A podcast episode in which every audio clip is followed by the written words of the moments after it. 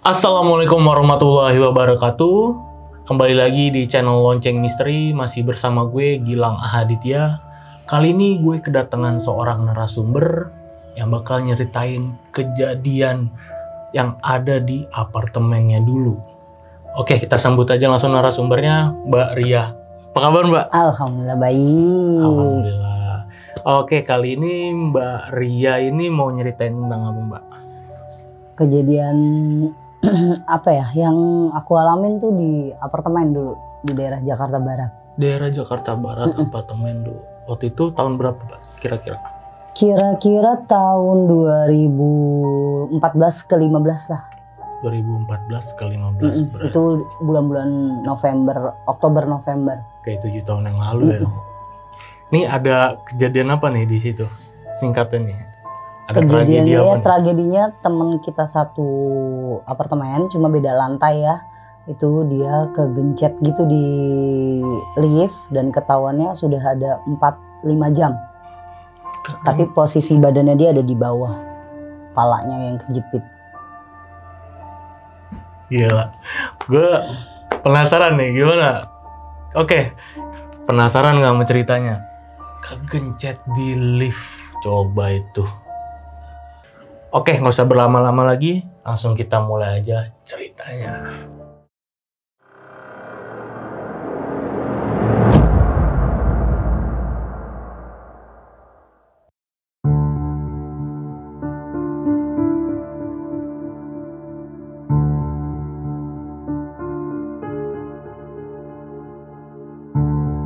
Kejadiannya itu ada di 2014 akhir ya, akhir tahun.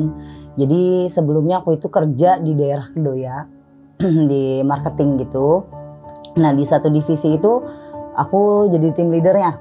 Nah gimana ya kita tuh berenam eh, satu divisi satu ruangan empat perempuan dua laki-laki dengan teman-teman yang lain yang kecuali aku sendiri yang tinggalnya di Cipete kan lumayan jauh tuh jaraknya. Nah pekerjaan kita itu lagi benar-benar dikejar deadline akhir tahun gimana caranya harus sa- sampai target.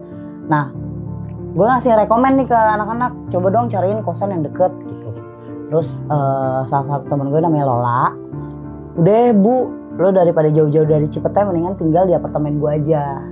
Eh, gue kebetulan ada dua kamar, terus eh, kamar yang di bawah juga ada. Cuma gue saranin sih kita bareng-bareng aja, biar ke biaya, apa biaya kebutuhan kita tuh udah kita include bareng-bareng. Ya udah akhirnya eh, bulan Oktober pertengahan gue pindah dari rumah dari Cipete terus eh, naik langsung ke daerah ya di Jakarta Barat itu di apartemen gue pindahan semuanya.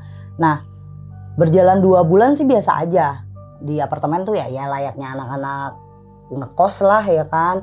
Cuma kan bedanya kalau apartemen lebih ke individu sendiri, lo lo gue gue gitu. Iya. Eh, gue di lantai 4 dan ada satu unit di lantai 3 itu kosong. Jadi punyanya dia. Gue masuk ke lantai 4 selalu pada bilang eh, security nanya, "Mbak, di tempatnya Lola?" Iya. Di lantai 3 atau lantai 4? Lantai 4 aman deh gitu. Kok aman sih? Ya emang aman kan selama ini aman kan gak ada nggak ada maling, gak ada apa enggak, masa aman kalau di lantai 4 kecuali di lantai 3. Nah, di situ kan jadi tanda kutip gue selama setelah ketemu sama si security ini gitu.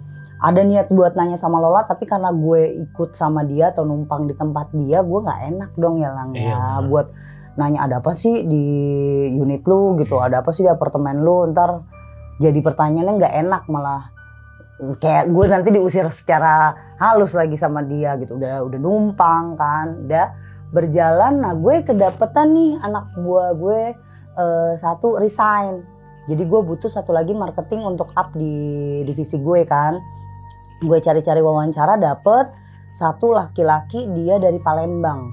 Hmm, kalau kita sebut aja lah namanya dia Ahmad lah gitu ya. Ya, Nah si Ahmad ini tuh masih bahasa logatnya dia Melayu Palembang, bener-bener dia baru pertama kali ke Jakarta. Nah dia bilang "Eh, saya selama ini tinggalnya itu di apa kayak losmen harian di dekat kantor mbak gitu. Karena saya belum dapet kos-kosan. Nah temen gue yang dua cowok ini bilang udah bareng aja karena kita kan satu kantor, satu ruangan juga, udah di kamar kita aja gitu. di mana dia di apartemen sini deket kok cuma lima menit doang kantor udah kayak gitu kita naik mobil biasanya barengan gitu ya udah saya mau mas. Sebulannya berapa? Udah masalah sebulan gampang karena itu kan udah dibayar tahunan sama keluarganya Lola gitu. Kita tinggal bayar listrik makan dan lain-lain. Udah mau nih orang ini nih. Awal sampai ke November itu biasa aja berjalan kayak biasanya gitu. Cuma yang aneh ini security ini tiba-tiba manggil gue nih. Mbak kalau si Septian sama Aji temen gue yang dua cowok itu itu kan emang tinggal udah satu tahun di sini udah tahu kejadiannya.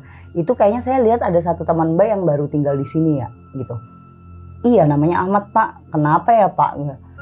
Enggak gini nih saya mau ceritain aja. Kalau di lantai tiga memang ada satu uh, bukan cerita memang udah ada mitosnya. Ada lantai yang unitnya itu serem. Banyak tragedi yang di luar nalar jadi gangguan-gangguannya itu banyak di lantai tiga. Makanya ruangan atau kamar yang ada di lantai tiga itu ada 12. Tapi yang kepake keisi cuma dua kamar doang. Dan itu kamarnya Lola. Unitnya Lola doang. Yang lain kosong. Kosong. Dan selama hampir 8 tahun itu nggak pernah ada yang berani ngisi di situ. Jadi ada sekatnya itu kalau di dalam apartemennya dia ada kayak pintu rolling door gitu loh. Hmm Nah itu kalau misalnya nanti ada yang ngontrak itu ditutup permanen, digembok. Hmm. Jadi satu kamar satu kamar. Tapi karena ini nggak ada yang ngontrak jadi dibuka. Ngelos itu gede banget lang. Sumpah tempatnya gede banget. Makanya temen gue ini Septian sama Aji ngarahin si Ahmad udah tinggal di sini aja. Karena sayang kan rame lebih enak. Ini tuh udah sepi banget terus tinggal berdua doang satu lantai. Nah udah nih kata securitynya gini. Kalau orang baru tolong diingetin apa aja mbak yang nggak dibolehin loh? Saya nggak tahu. Karena saya pun baru di sini baru sebulan gitu. Ya kalau mbak lantai empat aman. Paling memang iya lang selama gue dua minggu tinggal di situ setiap jam 9 malam gue pulang kantor lift itu mati di lantai tiga. Dan itu bisa 5 sampai 6 menit. Diem aja udah di lantai tiga. Diem aja. Diem. Error atau gimana ya?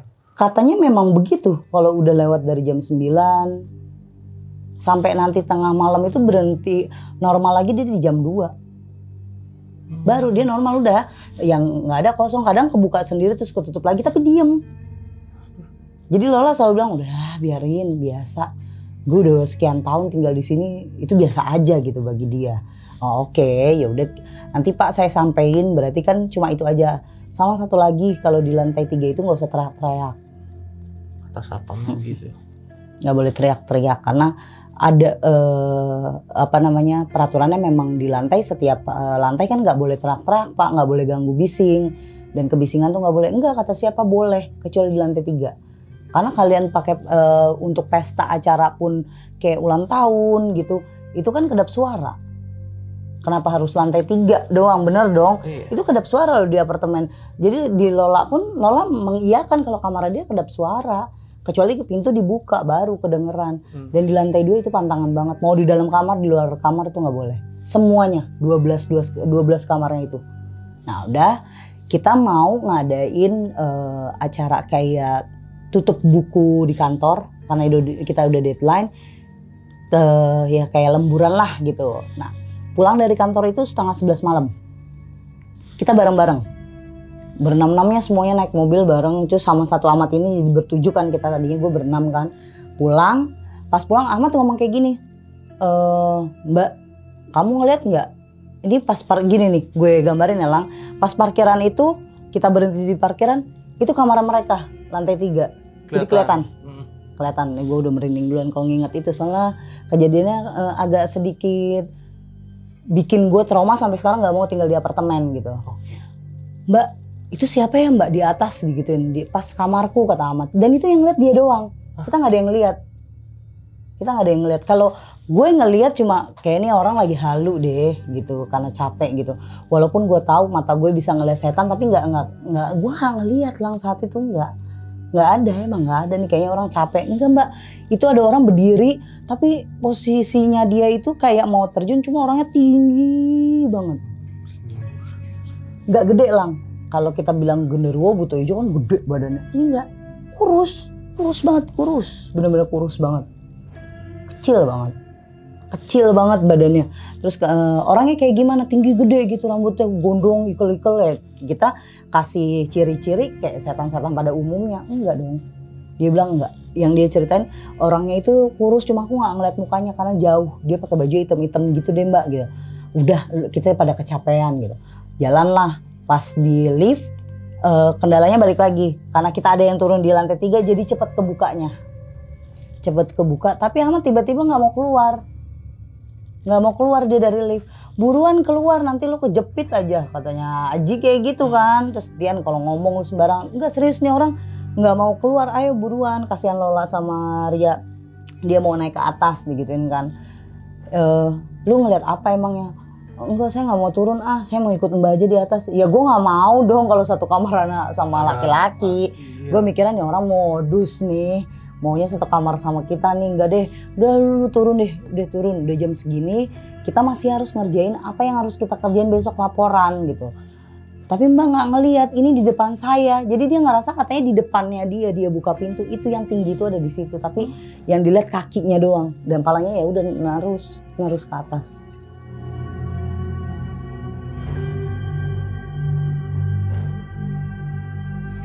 oke. Gue bilang lu turun. Ini masih dipencet ya sama temen gue sama Lola. Terus gue bilang sama Maria satu lagi temen gue jangan dilepas. Udah dipencet dulu. Udah lu turun lo bareng sama Septian sama Aji keburu ditinggal. Apa pun yang lu lihat sekarang anggap hal lu halusinasi lu lagi capek. Oke. Udah dia mau nurut dia ikut kita naik. Nah gosip deh gue di kamar. Lah semenjak eh, lo ngajak gue ke sini juga gue ditanyain mulu sama security. Gue ceritain ulang tuh lang yang security nanya sama gue kan. Eh sebenarnya gini ya gue nggak ada apa-apa sih kalau di lantai 4 memang kalau di lantai 3 yang berani cuma Septian sama Haji mulu. Karena dia tuh tipikal orang yang ya udah gue ngikutin peraturan terus ada setan gini-gini udah gue nggak mau ngeliat udah biasa aja. Cuek lah ya cuek orangnya. karena juga berkebutuhan kalau dia ngekos tempat lain bayarannya mahal gitu. Jadi dia lebih ngelowin budgetnya dia kan. Ya udahlah gue terima lah untung aja nggak di kolong jembatan kalau kata dia. kalau tuntutan ekonomi biasanya Nah. lebih mengerikan dibanding yang setan-setan tuh. Orang bagi dia tuh gue kalau tinggal di kos-kosan gue harus ngeluarin 700 800 ribu. Di sini gue sebulan cuma ngeluarin 200 ribu untuk kapal listrik sama air. Dan itu udah include makan makanan gue karena Lola juga nyetok makanan gitu. Lola tuh dari teman-teman gue yang paling high lah gitu orang ada Orang gitu, ada orang emang. ada dan dia kerja kayaknya cuma buat main-main doang kerja buat B- ya BM-nya dia gitu biar kelihatan sibuk aja. ya karena semua kebutuhan dia ada terpenuhi gitu ngapain oke lagi dia kerja ya Nah, duit semua dia udah ada. Makanya makanan tuh kita di, semua di stok sama dia. Makanan kita sebulan di stok sama dia. Jadi bagi eh, Aji sama Septian tuh untuk tinggal di Jakarta dengan eh, fasilitas yang kayak gini gue jarang ya jarang dapetin gitu. Nah, Ahmad ditanyain juga ternyata di dalam kamar, lo ngeliat apa? Mas, tadi kan saya udah dibilangin di mobil itu saya ngelihat posisinya tepat di kamar kita itu ada orang tinggi besar besar banget nggak kurus tapi tinggi banget kata dia gitu. Nah saya nggak pernah nggak pernah tuh yang namanya ngeliat hantu kalau di Palembang.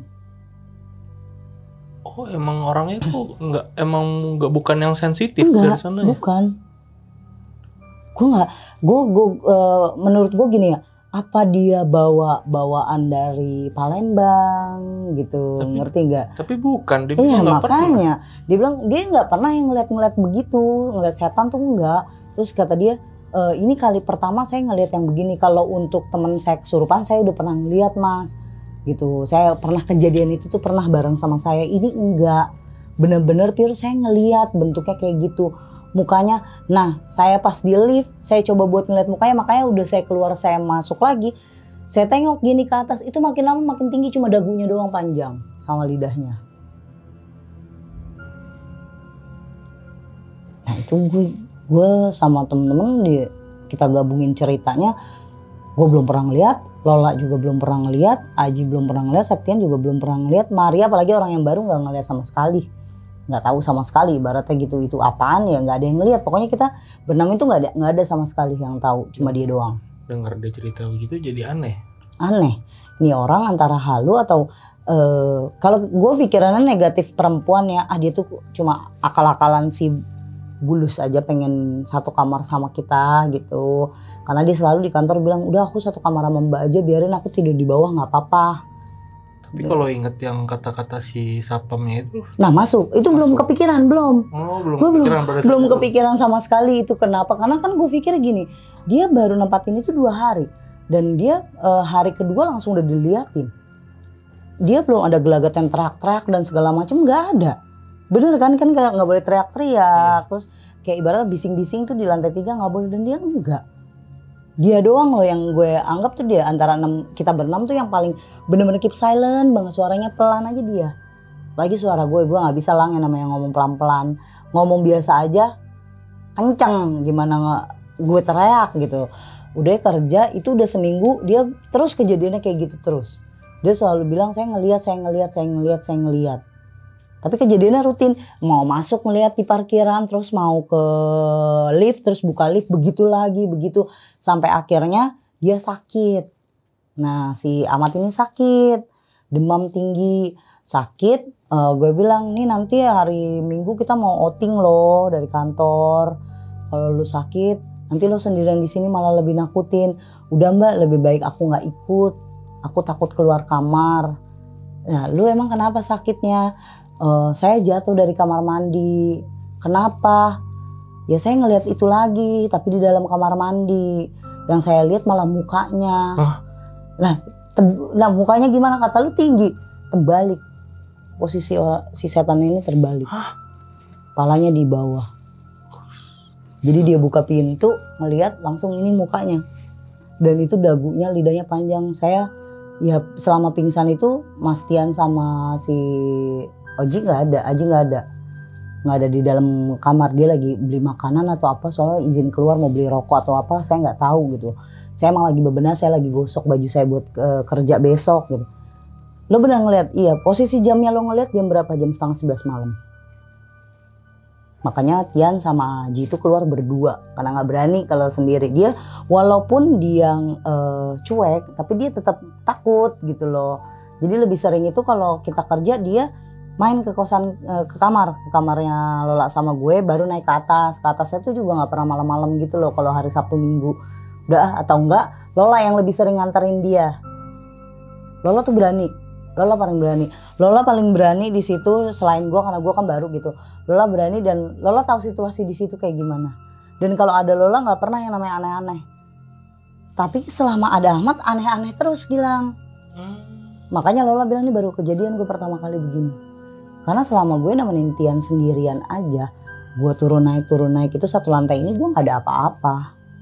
Yaudah gini aja deh kita bawa dia ke rumah sakit dulu dia badannya demam. Soalnya kecuali dia kayak ngigo gitu kan kita baru lah bawa ke spiritual lah ibarat Iya. apa orang pinter kiai gitu. Ini nggak badannya panas. Dan gue atur suhu cek suhunya dia itu tinggi 39 koma lah. Panas banget. Ya itu dia demam. Dan dia benar-benar dia bilang saya takut. Saya takut karena saya baru pertama kali ngelihat mbak tolong ngertiin saya saya takut banget. Kalaupun mau bawa saya keluar dari sini saya mau siang-siang. Saya baru berani. Makanya nanti saya takutnya tuh eh, pas malam malah saya bukannya ke dokter saya pingsan lagi ngelihatnya saya takut banget gitu. Nah kejadian itu gue bikin eh, simple aja deh sama teman-teman gue ya udah siang kita bawa ke dokter. Nanti abis dari dokter dia kita tidurin di kamar kita aja deh ternyata setelah kita ke dokter dokter juga bilangnya cuma demam biasa kecapean. Kita pulang itu lang kan kita berangkat jam 11 siang. Terus kita ajak dia makan dan segala macam pulang jam 2 jam 2 sore eh siang ya jam 2 siang. Kita pulang masuk ke dalam kamar Lola. Kejadian lagi dia ngelihat lagi nggak cuma di lantai tiga. Lantai empat juga? Di lantai 4 dia ngelihat lagi lang. Itu di jadi kita nggak naik lift. Sengaja kita naik tangga karena dia mintanya naik tangga darurat Iya. kan kita ngeliat eh, naik tangga darurat terus dia bilang eh, saya mau pipis gitu. Saya mau kencing mbak nggak kuat gitu. Nah emang di lantai dua ke lantai tiga itu ada kayak pintu darurat tuh sampingnya itu toilet gitu buat satu orang gitu. Ya udah kata Lola nih ada kok di sini ada deket tangga darurat. Kencing ditungguin ya udah naik deh. Dia biasa aja nggak ngeliat. Kata dia ah saya mendingan naik tangga aja deh kata dia lebih aman. Masuk ke kamar Lola ngejerit tuh laki-laki heboh nggak tuh posisi lu sama yang lain lagi di mana? Iya mau buka pintu. Malah duluan masuk tuh gue sama Lola. Dia belakangan karena dia buka sepatu. Kalau kita kan masih sendal. Ah, langsung jadi masuk. udah pada di dalam. udah. Jadi pintunya dia tuh ini kan pintu. Ah, nah di luar pintunya itu ada pintu kayak ada jaring-jaringnya gitu loh yang ala-ala di apartemen. Jadi buka pintu itu dulu baru kan pintu masuk ke dalam baru buka. Nah dia masih di belakang masih di belakang buka sepatu buka kos kaki kayak gitu. Terus kan disuruh sama Lola taruhnya di deket pintu aja nah gue udah masuk Lola masuk gue langsung masuk kan naruh tas. Dan gue eh, ngambil persiapan yang mau gue bawa ke kantor. Karena gue emang lagi ngurusin buat deadline-nya gue kan. Nah dia masuk naruh sepatu nunduk dia bangun. Itu ada di deket figuranya Lola. Jadi masuk itu tuh gambar kayak pemandangan gitu. Hmm. eh, lukisan gitu. Nah dia lihat di situ tapi itu posisi kakinya doang. Jadi badannya naik terus ke atas kejadian lagi gitu dia teriak sekenceng-kenceng Jadi kayak ngikutin si Amat ya, Nah. si sosoknya ini. Heeh. Ada pertanyaan gue yang gue akhirnya gue tanyain saat itu dia pingsan, gue bangunin, gue bilang gini mat, sebelum lu ke sini lu kenapa sih? Gitu. Sebelum ke sini lu kenapa ada apa gitu? Eh, lu bukannya benar-benar baru di Jakarta ya? Gitu. Iya baru di Jakarta, digituin. Eh, saya nggak bawa apa-apa, nggak ada apa-apa juga. Saya juga nggak bisa ngeliat. Balik lagi dia jawabnya sama kayak awal gue nanya gitu kita semua nanya dan dia kasih tahu gue nggak pernah saya tuh ngeliat apa-apa mbak. Yang namanya setan tuh nggak pernah baru di sini doang gitu. Baru benar-benar di sini doang. Saya ngeliat yang bentuknya kayak gini kalau kayak pocong kuntilanak mungkin mungkin saya nggak sekaget ini dan saya nggak sebingung ini. Ini tuh orangnya tinggi gede. Oke udah stop kalau diceritain nanti lo lo balik lagi flashback lo ke setan lagi ke setan itu lagi ke setan itu lagi. Sudah berjalan abis itu gue sengaja biar dia tidur di kamar Lola. Jadi ada sofa bed gitu kan. Jadi dia tidur di sofa bed ditemenin sama Tia sama Aji jadi semuanya pada jadi satu di kamar Lola. Oh, rame-rame jadi. rame-rame karena kasihan juga dia juga masih badannya masih panas kan. Besok kerja dia nggak ikut. Nah itu meeting. Eh, kita mau gathering semuanya tapi gathering itu diundur jadi bulan Desember jadi sekalian malam tahun baruan Oh, outingnya ini. outingnya ini gathering kantor. Nah, kebetulan dia kan ditinggal tuh. Nah, Septian eh, sama Ji itu nggak ikut kerja. Nemenin emang gue suruh izin eh, kalau salah satu kan nanti misalnya mau ke bawah nggak ada yang nungguin dia gitu. Karena dia suka ngigo juga gitu loh karena demamnya lagi tinggi-tingginya kan. Jadi tiga itu gue biarin di rumah kan dulu. Gue kasih izin tiga hari sampai benar-benar ibarat si Ahmad ini sehat gitu karena gue kasihannya gini dia orang baru di Jakarta dia nggak tahu juga kan mau ke mana ke mananya. Iya. kayak Alfa dan lain-lain kan dia nggak tahu ya kan. Buat toko-toko supermarket nggak tahu apotik-apotik di situ dia belum belum hafal jalannya. Terus gue kerja saat itu pulangnya agak cepet nih lang. Nyata gue kan mau bawain mereka makanan kan. Nah Lola ngomong kayak gini lo duluan aja balik karena gue mau ketemu sama keluarga gue dulu. Mau ada acara makan malam. Jadi mumpung pulang sore gue mau ngumpul dulu sama keluarga gue. Lu pulang sendiri. Nah gue pulang sendiri lah di sini gue mulai eh, cari tahu sendiri ke security. Sebenarnya ada apa ada apanya gitu ya kan di apartemen itu khususnya di lantai tiga lah ya. Nah, terus eh, si pas security cuma bilang gini Yan ya nggak ada apa-apa karena mbak kan bukan orang asli sini cuma eh, biasanya yang punya unit tuh udah dikasih tahu sebelum nempatin gitu. Pokoknya di lantai tiga nggak boleh ada bising-bising nggak boleh ada pesta-pesta nggak boleh teriak-teriak dan di lantai tiga itu jarang ada laku memang. Nah itu cuma punya mbak Lola doang karena dari awal pembuatannya apartemen itu ternyata bapaknya Lola tuh ada peranan penting di apartemen itu. Jadi eh, kamarnya itu punya mbak Lola emang pribadi di lantai tiga Hmm. empat. Jadi dari lantai satu sampai lantai tujuh itu punya Lola tuh setiap kamar tuh ada. Jadi setiap lantai itu ada ada satu dua kamar punya Lola gitu. Oh, berarti kan yang punya apartemen ya? ya kan dibilang ada peranan penting di situ. Oh, iya. entah sahamnya entah apa kita nggak ada yang tahu ya. Iya. karena gue bilang Lola itu kerja cuma gabut doang. Udah ngilangin dia bete kayaknya. Iya. karena di kerja di kantor pun dia kerjaan dia enak banget. Walaupun gue leadernya dia dia tuh kerjaan enak banget. Karena semua aset marketing gue tuh ada di dia. Jadi gue mau kerja sama sama perusahaan mana pun gue jalurnya ke dia. Dia dia yang eh, PR gue lah. Dia yang jalurin gue. Nah singkat ceritanya itu hmm, gue nggak jadi outing. Gue nggak jadi outing. Karena gini eh, satu di kantor gue ternyata kita target kita masih mundur banget. Kita kita lo kita nggak nggak nggak sampai target lah. Iya kita nggak achieve target gitu. Itu salah satu salah satu alasannya nggak jadi outing. Terus gue meeting selanjutnya gue mau di bulan Februari aja. Jadi gue ada deadline di satu bulan sampai Januari itu gue ngejar target kan nah di bulan Desember ini mulai ada kejadian-kejadian yang menurut gue udah dari semenjak Ahmad masuk ini udah mulai aneh gitu. Di luar nalar banget deh gitu. Nah Ahmad ini pulang sendirian. Jadi dia udah sehat selama tiga hari itu keempat harinya itu dia kerja. Kerja Aji gue terus Tian sama Lola kita berempat kecuali dua teman gue ini balik ke rumah kan. Kita berempat ini pulang ya terlalu malam lah gitu. Kita karena ada kerjaan lembur. Nah si Ahmad udah selesai kerjanya dia. Kalau dia nungguin gue itu bisa sampai 4-5 jam dia nungguin. Karena kan jam pulang kantor biasa jam 5an kan. Hmm.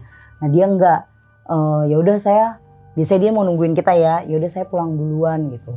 Pulang duluan gue nggak entah kayak gimana kejadiannya tuh. Tiba-tiba pulang-pulang gue jam 9 nyampe parkiran apartemen security ngomong. Katanya Ahmad itu eh, di lantai satu di kayak jadi di satu apartemen itu kayak ada UKS gitu loh. Hmm. gitu tapi itu tempat security tidur gitu. Sampingnya itu ada ada ruangan kosong itu buat UKS gitu. Ada di tempat saya di pos security di gitu. Kenapa? Nggak tahu tiba-tiba datang ke bawah ini darah semua jidatnya dia. Dia udah nggak berani masuk kamar karena eh, katanya pintunya tuh nggak bisa bisa dibuka. Tapi saya minta kuncinya dikasih saya buka-buka aja biasa nah oke kita lari semuanya ke tempatnya security kita tanya dong. Mat lo kenapa? Ini pala lo darah semua. Tapi udah pakai kayak Bar- perban lah gitu udah di plester. Lo kenapa gitu? Kan udah dibilangin eh, kalau nggak berani minta tolong pas security aja gitu. Kan udah diingetin sama Tian juga. Iya nggak apa-apa mbak kata dia. Saya eh, apa ya beraniin diri saya ngelawan rasa takut kata dia cuma saya nggak naik lift saya naik tangga darurat digituin kan. Terus nah saya kan pengen pipis. Ini orang nih ya bener-bener ya. Kayak anak kecil tau nggak? Kencing mulu kerjaannya lang. Di kantor pun begitu beser banget kan. Eh, saya pengen kamar mandi saya pengen buang air kecil. Nah saya inget kan Mbak Lola waktu itu ngajarin saya di lantai dua. Ya udah saya ke lantai dua. Keluar saya mah aman-aman aja mbak. Keluar dari kamar mandi. Tapi emang di dalam kamar mandi di mat, eh, nih di ekornya dia nih mata kanannya dia ngelihat wah tuh setan lagi tuh. Jadi dia cuma ngebatin doang. Oh. wah tuh setannya lagi tuh. Ini masih siang masa ia mau gangguin gua? Gitu. Dia dia beraniin lang. Gua gue sebenarnya di situ salut lu, lu lu mulai berani. Gitu. Nggak kayak dulu yang langsung teriak Iya. langsung histeris gitu ya kan. Nah ini enggak di jalan keluar ke tangga mulai tangga udah di tengah-tengah kan jaraknya ke toilet agak jauh tuh kalau kita nengok Iya. dia ditarik dong lang Hah? ditarik kata dia tuh dia bener kayak mainan tau gak Dret, ditarik Keseret gitu. diseret iya kakinya bener-bener diseret diseret terus sampai ke bawah Itu CCTV ngeliat. iya dan di CCTV itu dia awalnya kayak kepleset begitu kan makanya security-nya ngasih eh, biar dia di situ biar kita datang biar kita ngelihat jadi dia kayak kepleset doang kakinya nggak ada bentuk-bentukannya tapi kata dia itu ditarik toh terus dan oh, itu. Iya dan itu dimainin. Jadi nggak yang diseret begini. Jadi di bok duk dihantem. Dihantem terus. Udah sampai bawah dia nggak sadar udah ini babak belur. Nah yang gue tanya lu gimana kejadiannya kok bisa eh, lo tahu lo kaki lo diseret saya ngeliat ke bawah itu tuh panjang banget mbak tangannya. Dia itu ada di lantai dua dan itu dia di di deket pintu masuk ke toiletnya itu kan. Kan pintunya emang yang bisa dibuka tutup terus kalau ditarik begini dia nggak nggak balik-balik tau nggak lo yang pintunya yang harus kita yang dorong Hmm. gitu harus kita yang narik. Nah di situ emang saya lupa buat nutup kan. Jadi kelihatan dia masih di dalam situ tapi tangan dia bisa muter. Bisa ngambil. Dan itu saya tangga udah hampir mau naik ke lantai tiga. Kan jauh dong lo tahu tangga apartemen itu nggak yang terus begini tapi dia ada kotak gini buat nyanggah terus baru naik lagi iya. Itu- Zigzag kayak gitu ya. ya. nah itu jauh banget Muter gini. Iya. Buset. sampai bawah dia sadarin dia cuma udah saya di situ pasrah saya cuma bilang salah saya apaan saya minta tolong ampun ampun saya minta tolong udah ampun ampun saya nggak sadar mbak bangun-bangun saya ngeliat gini darah nggak lama security lewat dan gue tanya sama pas security kok bapak bisa lewat saya cuma denger orang teriak mbak Saya dengar orang teriak, saya cari di mana sumbernya. Saya langsung cek di CCTV lewat handphone saya, ternyata Mas jatuh. Dan jatuhnya itu ternyata di CCTV guling-guling. Guling-guling gitu. Nggak ditarik, guling-guling Oh. aja. Ngeguling sendiri. Jadi kalau kita bilang kalau tragedi itu kita lihat dia memang kecelakaan, kecerobohan dia. Kan kepleset. Dia naik agak cepet, kepleset udah guling. Tapi keterangannya dia ditarik. ditarik. Mulai eh, gue harus jadi pendengar yang percaya atau enggak ya di situ. Gue kira tadi pertama di CCTV dia kayak diseret juga Nah, gitu. Kalau kayak diseret juga mungkin langsung gue iya mengiyakan ya kan. Oh iya benar nih dia diseret gitu. Tapi security yang buka CCTV dan kita lihat lain emang dia kepleset terus ngeguling jatuh. Dan itu emang bener ngeguling dia jatuh. Ngebentur dulu tiang ini pegangan, Hmm. buk gitu. Langsung dia jatuh guling ke bawah. Untungnya nggak terjun ke sana karena ke sana kan ngelos. Los. Kan kalau lantai kan gitu dari atas kita bisa ngelihat begitu. Jadi Hmm. ngelos bisa jatuh. Untungnya Iya, dia cuma bener. ke tangga doang. Nah udah kita rawat tuh. Gue bilang sama dia maunya dia apa nih? Mau dibawa ke rumah sakit atau enggak? Enggak udah di sini aja. Yang gue heran dia tuh juga berani buat nggak yang keluar dari apartemen ngerti nggak Hmm. mungkin kalau orang-orang lain udah mbak saya nggak mau di sini lagi saya mau pindah Iya, kenapa ya? bener gak? Kan kalau saat itu gue pikir ah nih dia mau keluar kali ini dari apartemen ya udah kalau misalnya mau keluar terus dia kan belum gajian dan gajian dia masih kecil namanya baru ya Hmm. eh, karyawan baru biarin deh gue sama Lola yang bayarin dulu karena gue satu gue yang interview dia gue yang nerima dia ya gue nolong dia lah karena di Jakarta kan dia nggak ada keluarga kan.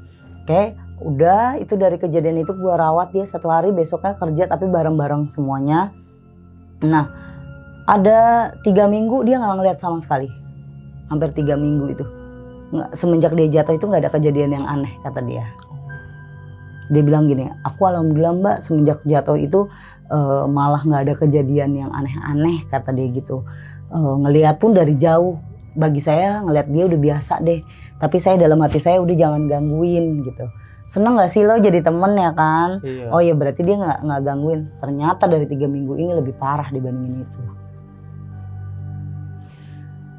Gue masuk ke tiga minggu dia cerita itu kita semua itu pada pergi pulang ke rumah. Gue ada acara ini ada acara semuanya ada acara lah kecuali dia. Dan gue ngambil cuti itu itu kan bulan Januari habis tahun baru gitu kan gue ngambil cuti ada seminggu lang. Lola ngambil cuti karena dia mau ke Disneyland. Hmm. dan semua semua teman-teman gue kita kita mau liburan lah. Iya. karena kan tahun baru kemarin kita sempat masuk. Terus eh, dari tanggal satu pokoknya gue seminggu itu gue bener-bener pure gue cuti. Gue cuti. Dapat telepon pas gue lagi pergi. Tiga hari itu dapat telepon tapi sayangnya setiap orang nelfon ke gue gue nggak angkat karena gue lebih fokus sama keluarga gue ngerti gak? Kayak handphone tuh nanti dulu deh gitu. Iya. ya kalau lu pas nelfonnya gue lagi megang handphone gue angkat gitu. Nah ini enggak gue lihat eh, udah tiga hari itu gue lihat hah Aji Septian itu udah ngubungin gue sampai 8 kali. Per satu orang ya Septian 8 kali Aji Hmm. hampir 8 kali gitu. Lola Lola cuma tiga kalian lah gitu. Tapi hampir satu kosan eh satu apartemen gue tuh nelfonin gue mulu gitu. Gue telepon balik ke Septian gak bisa kayaknya dia lagi telepon ke orang lain karena memanggil doang kan kalau di WhatsApp Hmm. kayak gitu kan. Terus ke Aji begitu juga. Akhirnya kalau Lola diangkat lo balik deh balik balik. Karena gue eh, baru banget balik gue cuma di Disney cuma dua hari doang kata dia gitu. Bokap gue harus harus keluar ke luar kota di Indo jadi gue balik ke Indo. Lu duluan deh balik ke apartemen. Kenapa amat tuh? Udah buru buru buru udah cuma gitu doang. Itu doang. Iya. nah itu posisinya gue lagi ada di Jogja mau nggak mau gue pulang. Ya naik kereta lu tahu pasti lama lah. Iya. gue bilang kenapa sih nggak yang di situ? Enggak enggak enggak udah lu balik aja. Ya udah gue balik. Gue balik ke sana. Eh securitynya ngomong kayak gini mbak kayaknya teman mbak nggak usah di sini deh. Yang si cowok baru itu emang kenapa? Nanti kalau ada apa-apa ya kalian yang teman-temannya nyesel gitu Iya kenapa? Enggak dia soalnya perlakuannya aneh banget selama di apartemen. Kenapa? Dia udah dua kali loh ditemuin sama saya sama tim saya security sama orang-orang security berdiri di depan balkon. Ngapain? Iya berdiri, gue gue gini mau mau bunuh diri, gue eh, saya nggak tahu mau bunuh diri atau gimana dia berdiri di situ. Kalau diteriakin dia dia turun, ntar cepet banget tiba-tiba naik lagi ke atas. berdiri berdiri terus ngeliat-ngeliat teriak-teriak teriak-teriak bener-bener teriak-teriak seneng banget katanya. Bukannya sedih atau nakutin enggak seneng girang. Jalan di atas balkon balkon kan kalau eh, di apartemen tahu kan balkonnya begitu Iya. di depan. Nah itu dia jalan. Dan itu muterin sepanjang di lantai tiga dia muterin. Kalau pikiran gue sih kayaknya dia kerasukan. Karena kejadiannya selalu di jam 11 malam. Setiap disamperin sama security dia udah masuk kamar. Jadi kayak nggak ketemu ngerti nggak oh naik nih naik naik. Naik security naik. Dia udah di dalam kamar dan pintu kekunci. Tapi di CCTV gue lihat memang iya. Memang iya. Dia teriak tapi matanya kosong banget lang. Ini putih semua matanya dia. Hah. jadi dia sebelum keluar kamar itu kayak nih ke langit-langit ngeliat nengok senyum langsung lari ke balkon itu. Nah oke gue buru-buru ternyata yang ada cuma Tian doang kan Aji nggak ada gitu. Tian ya udah masuk deh eh, ke kamar tuh. Gue takut gue nggak berani gitu. Karena teman gue ini yang namanya Aji itu nggak ada eh, apa si Tian ini tuh kayak banci ngerti nggak lo Hmm. jadi dia tuh emang cuek tapi dia nggak mau kalau ngadepin orang kesurupan. Yang namanya banci dia takut. Iya. Tuh lu lihat deh di belakang di kamarnya dia. Jadi kan sekata itu kamarnya dia nama Aji sendiri dia sendiri kan nama Ahmad masuk diem. Diem lagi diem duduk. Gue tanya Ahmad lu nggak apa-apa? Lu nggak kenapa-napa. Dia nengok ke gue nggak apa-apa mbak. Capek aja gitu. Dia jawab gitu dong. capek saya capek capek banget. Mau pulang kamu mau pulang ke Palembang. Nanti saya ongkosin mumpung masih boleh kok kalau kamu minta cuti saya yang desain deh saya urusin. Iya nanti saya pulang. Sebentar lagi saya pulang kata dia gitu emang udah beres-beresin packing? Terus langsung temen gue narik ih si banci lo harus tahu cara dia ngomong itu pulang-pulang apa? Tuh pakaiannya dia diberantakin semua gitu. jadi gue pas buka lagi rolling door gue gedein pintunya dia kan emang pintunya dia rolling doornya si Lola kan? Ke kamarnya dia gue buka itu kamarnya dia masya Allah gilang semuanya hancur.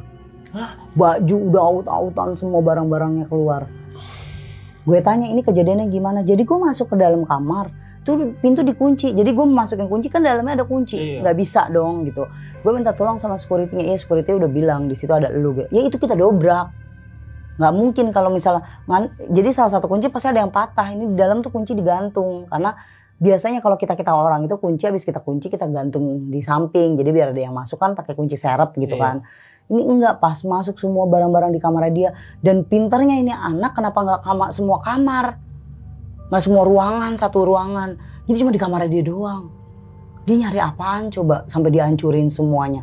Semua barang-barang itu TV sampai eh, AC kan ada kayak apa? Selang ya? Iya. selangnya itu nggak tahu ada di mana-mana kayak dicabut tau nggak lu? Jadi ngampleh gitu. Kayak ngegantungnya bukan di tempatnya kan tadinya ada kap-kapnya ada Iya. tuh enggak semuanya baju-bajunya dia berantakan. Gue bilang lo habis ngapain? Ini berantakan banget ya Allah Duh Yan ini mah buruan deh. Kita beresin dulu Yan. Gue bilang sama Tian udah kita beresin kita sambil nungguin Aji kita nungguin Lola. Lola masih besok. Iya gue tahu tapi kita beresin dulu aja kamar dia. Beresin dia masih diem di satu pojok kamar dia. Nggak di nggak di kasur kan? Jadi kamar dia tuh ada ada kayak kursi gitulah. Dia duduk di situ. Duduk ngeliatin kita beresin dia Dia ngeliatin nggak ikut bantuin. nggak diem. Ya, aneh banget ya. Ini orang gue bilang kok nih dari dia datang cuma satu hari doang dia nyenengin. Selebihnya tuh bikin gue sama teman-teman gue tuh mikirnya ada apa sih? Ini ada apaan sih? Kenapa sih ini orang Iya. yang seremnya itu dari dari apartemen gue atau dari dianya gitu yang serem? Karena tadinya gue tinggal di situ hampir mau satu tahun terus apalagi eh, Tian sama Aji kan udah lama banget ikut di situ. Itu B aja malah kayaknya mereka tuh selalu ceritain tuh aparnya eh, apa apartemennya si Lola ini yang seru yang kayaknya tenang bisa bisa buat ya ya, ya kita ngumpul-ngumpul tuh ya happy happy aja gitu. Kok semenjak ada dia cuma dalam waktu singkat beberapa bulan tuh bikin gue sepaneng gitu pusing sendiri gitu loh lang terus gue tanya baik-baik sama dia setelah selesai. Itu kan kejadiannya sore mau maghrib gitu kan nah abis isya gue udah selesai sholat dan lain-lain gue ngomong sama dia ngajak main dan lo tau dari gue beresin eh gue datang beresin dan segala macam dia masih di situ aja. Nggak ke mana-mana. Gue tanya dia nggak mau jawab. Dia cuma bilang gue saya mau pulang mbak. Tapi saya bingung mau pulangnya gimana. Gue bilang kenapa bingung? Kan rumah lu di Palembang ya tinggal gue ongkosin aja. Iya. kalau lo mau resign pun gue yang ngurusin resign lo. Mau pulang enggak saya mau tidur aja tuh. Tidur deh dia. Dia jalan. Nah gue lola datang gue rembuk gue ngomong lah gue udah nanya sama security. Enggak eh, yang lu omongin kemarin itu ya emang begitu nggak boleh berisik dan lain-lain. Gue udah tahu kok kata dia gitu. Tapi ini orang ya ya emang dari orangnya aja kali halusinasinya atau dia sakit kita telepon aja sama keluarganya. Gue gitu atau dia punya penyakit kita kan nggak ada yang tahu lang Iya, apa dia punya penyakit halusinasi ya kan Iya. namanya dia orang jauh kita nggak kenal sama sekali dia nggak ada keluarganya gue coba deh cek di handphonenya gue telepon di situ ada eh, kalau orang Palembang kan manggil kakak Ayu ya Ayu. Ayu Tika di gue telepon dan jawaban di sana enggak Normal. dia. normal ya akhirnya mau nggak mau gue ceritain dia gimana kan di sini gue ceritain semuanya kaget tuh kok bisa ya? Ayunya kaget. Iya kok kok bisa ya? Ahmad tuh anaknya yuk dia ceritain yang baik-baik semuanya tentang Ahmad. Memang dia pendiamnya tuh luar biasa. Itu nggak banyak ngomong. Jadi dia ngomong kalau kalau emang gue dibutuhin buat ngomong gue ngomong. Kalau nggak nggak. Kayak itu udah gue ngambil jalur ke sana sini udah nggak bisa ya kan? Masuk ke keluarganya udah. Jadi gue gue sendiri mikir nih apa sih? Ada apa di balik ini? Gitu. Nah kita pergilah lang semuanya nih satu kantor. Akhirnya jadi nih outing akhirnya jadi Di bulan outing Februari. di bulan Februari. Karena kan kejadian itu kan dia amat begitu-gitu mulu kan. Terus eh, outing dia nggak ikut. Oh dia nggak ikut. dia nggak ikut. Sendirian lagi dia. iya karena dia nggak mau. Oh dan dia benar-benar nantang dia nggak mau. Saya nggak mau mbak. Saya badan saya nggak enak kalau ikut Dan dia gitu. di lantai tiga atau lantai empat? di lantai tiga. Kenapa nggak di lantai empat? udah. Gue minta lu di lantai empat aja ya. Udah saya di sini aja. Deh saya udah keburu takut ke mana-mana Padahal dia pertama ketakutan kan di lantai di tiga lantai ya. tiga dia pengennya kan ke lantai empat Iya. ya kan Tapi ternyata si Ah, itunya ngikutin lantai nah. empat dan dia balik lagi lantai Mm-mm. tiga. Oh, I see.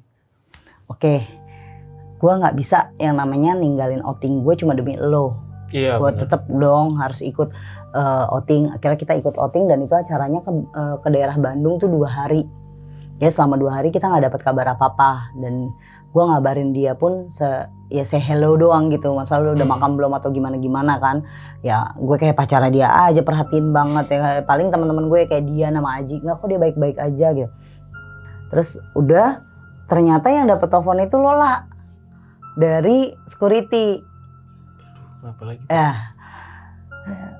Ri sini dong deket gue gitu. Kenapa? Pas lama telepon nih aduh ada apa nih? Gue panggil dong anak-anak. Dan itu posisinya kita lagi beli oleh-oleh. Kita lagi beli oleh-oleh kan. Eh yaudah yaudah ke pinggir dulu deh. Pinggir dulu kita ke satu tempat yang emang eh, ngobrol tuh nyaman gitu enak. Ahmad dua hari nggak keluar kamar cuma ngedenger teriakannya doang dan eh, didobrak dan segala macem itu nggak bisa pintu itu. Dan sampai sekarang nggak keluar sama sekali nggak ada suaranya saya takut mbak ada apa-apa sama teman mbak. Karena kita tahu tragedinya kan kayak gimana kan selama dua bulan dia ada di situ gitu. Hmm. oke pak kita juga lagi di jalan kok sebentar lagi mau pulang gitu. Saya cuma kasih tahu mbak Lola. Mbak Lola inget ya perjanjiannya kayak gimana? Hmm. dan dia langsung matiin. Oh iya oke oke pak. Matiin. Lah perjanjian apaan lah lah perjanjian apaan lah di situ lah enggak masuk nggak boleh berisik kata dia maksudnya udah udah udah nggak usah mikirin omongan pas selamat deh kita pulang aja. Cepet-cepet pulang gitu. Akhirnya yang tadinya naik bis pariwisata rame-rame Lola eh, mutusin kita cari mobil sendiri. Supir masa nyupir siapa nih? Dia lihat kan ada dua atasan gue kan bawa mobil pribadi.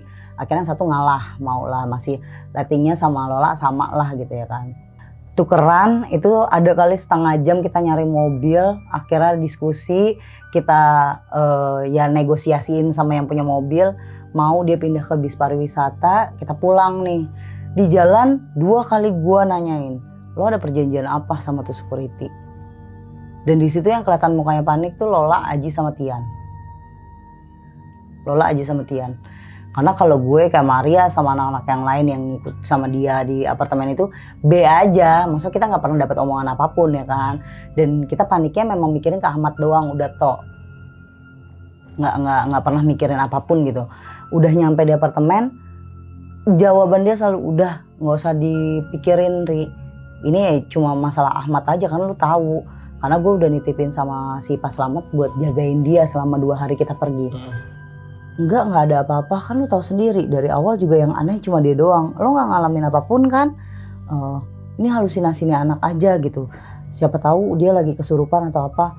Ya perjanjian bangsa jangan berisi kalau soal perjanjian gitu kan lo tahu di lantai tiga itu nggak boleh teriak-teriak apa lo sendiri pun udah pernah ditegur sama security kan eh, buat nggak boleh teriak-teriak nggak boleh berisik nggak boleh ngadain acara iya gue tahu kalau cuma perjanjian itu setahu gue Ahmad nggak ngapa-ngapain dan malah di antara kita semua yang suaranya nggak ada aja dia gitu.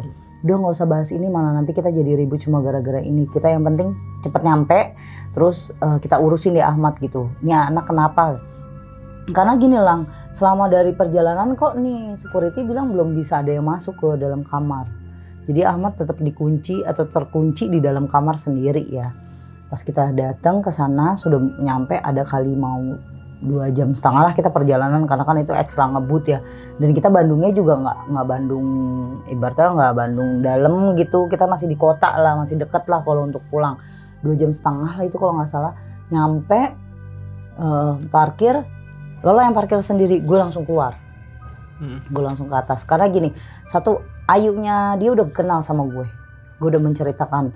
Dan dia nitip itu ke gue Eh, yang kedua gue memang butuh banget dia untuk jadi karyawan gue kalaupun ada kejadian kayak gini kan ini di luar nalar dan di luar prediksi gue ya kan?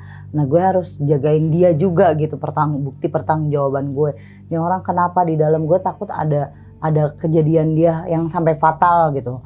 Pas gue naik ke atas aja gue bilang udah buruan ayo Ian ayo tolongin gue gitu. Kita tolongin si Ahmad bareng-bareng aja biarin Lola yang parkir mobil. Kita bertiga yang naik ke atas. Udah naik pas gue buka kagak kagak dikunci. Hah? nggak dikunci. Nggak dikunci? enggak gue langsung buka aja. Gue langsung buka. Buka gue masuk ke kamarnya si Tian dulu kan masuk langsung kamar Tian. Gue buka rolling door baru nggak bisa. Kayaknya di dalam dia kunci. Oh maksud sapam nggak bisa itu rolling door kali ya? nggak ngerti tapi dia bilang eh, dikunci ya kan? Ya mungkin itu kali di dalamnya. Iya. Mat Ahmad Woi Ahmad ini gue loh ya buka Mat. Dia nggak ada suara sama sekali. Terus gue bilang CCTV di sini siapa yang megang? Lola. Lola langsung gue telepon iya tadi ini lagi di jalan gitu. Jalan ini jalan kaki ke atas. Lo nggak naik lift? Iya maksudnya dari parkiran. Dia udah ngomongnya tuh udah udah namanya orang panik ya kan kita ngomongnya juga udah nggak bener dia ke gue. Udah naik lift gak lama dia datang CCTV mana nih? Gue udah gedor-gedor nggak bisa. Kan ini nggak bisa didobrak rolling door didobrak apanya ya? Badan kita yang sakit ada yang namanya besi ya kan? Iya. nah ya udah tadi gue buka dulu. Dan dia di dalam eh, kayak tiduran tapi di bawah gitu. Tengkurap gitu. Nggak ngerti. Tiduran gitu Iya, aja. tengkurap gitu. Kita nggak tahu dia berdarah apa apa kan nggak kelihatan di CCTV karena bentuknya telungkup gitu tapi kamarnya dia aman. Masa nggak berantakan nggak kayak apa apa gitu? Biasa aja. Nggak kayak orang lagi ngamuk atau apa nggak. Biasa aja. Terus akhirnya lo lagi nih ya udah pakai kunci serap aja digituin ya nggak bisa lagi kayaknya kuncinya dia nyantol gitu. Akhirnya eh, manggil security dibobol lah. Rolling door. nggak tahu ya rolling door pokoknya dijebolin gitu. Ada di sininya dia memar. Kita masuk kita bangunin Ahmad di sini dia memar. Memar semua. Kayak biru di sini kayak orang di, dipukulin. Hmm. terus gue tanya ya dia nggak mungkin jawab karena masih kayaknya masih dalam keadaan pingsan kan belum sioman bener. Terus gue taruh kita angkat ke kasur kita tanya mulai-mulai siuman tuh kita tanya tapi dia nggak jawab apa-apa dia diem. Sama sekali dia diem. Dia benar-benar diem sama sekali diem. Terus gue bilang kayak gini waktu eh, lo kita tinggal lo ngeliat lagi dia. Tuh lo ngeliat lagi setan. Dia diem sama sekali lang nggak jawab juga lo beneran nih nih lo kenapa sih begini? Lo dipukulin orang ada maling atau lo dikerjain setan. Kalau lo diem aja gue nggak tahu karena di CCTV ini sehari eh, di CCTV ini nggak nggak kelihatan. Ngerti nggak lo lang? Jadi kayak satu hari kemarin itu CCTV-nya error nggak bisa dibuka. Jadi yang diliatin sama si Lola itu cuma hari itu doang hari kejadian hari kejadian eh, si siapa Ahmad ini kayak lagi loncat dari kasurnya ke bawah udah jatuh begitu doang. Ini nggak bisa nggak bisa dude error ini. Nggak bisa ya. Gue udah, udah muter ke sana ke sini ke review. Nggak bisa. Karena CCTV ini cuma ada di dalam kamar doang. Kalau dari security ya nggak ada. Cuma eh, dari scan doang depan doang gitu Iya, security biasa koridor. gitu. Kalau rolling doornya depan doang gitu koridor koridor nggak ada yang ke kamar. Ini cuma punya gue doang dan ini nggak kelihatan kejadiannya cuma diloncat langsung brek jatuh. Ahmad sampai dua jam nggak bisa ngomong. Dan nggak ngeluarin kata-kata satu kata pun. Dia duduk apa tiduran? ya duduk begini begini. karena kan gue bangunin kan. Setengah tidur sih jadi kakinya dia ngatung gitu loh. Terus udah ditanyain baik-baik gue udah bikinin teh gue ngobrol pelan-pelan sama dia. Nggak juga nggak ada jawaban dia diem aja nggak ngomong sama sekali. Sepatah kata pun nggak ngomong akhirnya ya udah gue mutusin ya udah lu istirahat Tian istirahat Ji, Aji istirahat gue biar balik ke kamar. Tapi kali ini gue nggak ke kamar gue mau pulang ke rumah dulu. Ada urusan gue di rumah gue pulang lah. Dan itu gue pulang selama dua hari tapi gue tetap kantor gitu. Nah kalau dari situ pulang kan tuh hari Sabtu ke Minggu kan. Itu kan gak ngantor gue jadi gak ngantor seharian kan. Dia terus kabar-kabaran begitu doang dibilang Ahmad cuma diem aja diem bener-bener pen- ya jadi pendiem lah. Semenjak kejadian itu kan dia emang emang diem kan jadi diem. Nah gue kerja. Hari Seninnya itu semua masuk kecuali Ahmad lagi. Kayaknya gue mau mau merisainkan dia aja deh keputusan gue gitu kan. Karena gue pulang itu sebenarnya mau butuh mikirin ke depannya kayak gimana. Dari mata gue yang gue lihat ini ada yang ganjel. Lang bener-bener dari awal tuh ada yang ganjel tapi gak ada yang mau keterbuka sama gue kalau gue langsung oplosin omongan kan gak enak gitu ya kan. Ya udah gue merisainkan aja Ahmad deh gitu. Gue mau telepon nih lang. Gue baru mau telepon. Sebelum gue mau gue mau telepon Ahmad Lola naiklah ke atas. Kan dia dari bawah semua pada break istirahat ya dia makan siang gitu kan. Karena seharian itu gue diem gue bilang gue punya keputusan mau merisainkan ini anak aja deh daripada bikin stres kita kerjaan numpuk Kasihan Ahmad tuh juga. kasihan juga amat jadi gue mikir gini nih kerjaan gue nggak akan pernah kelar kelar terus tambah udah selesai kerjaan gue harus menguruskan orang lain yang ji- jiwa spiritualnya dia lagi kegoncang ya kan? Gue lagi ketakutan dan segala macem. Terus gue juga harus ngamanin dia dari keluarga keluarganya karena nggak enak gue udah udah terlanjur cerita sama keluarganya nanyain tentang dia gitu. Udah gue mau meresainkan gue lagi bikin surat resign. Alola buka pintu udah ngagetin gue Ri buruan ke apartemen. Kenapa? Ahmad. Ahmad meninggal. Nah itu baru di situ. Nih lu bohongin gue?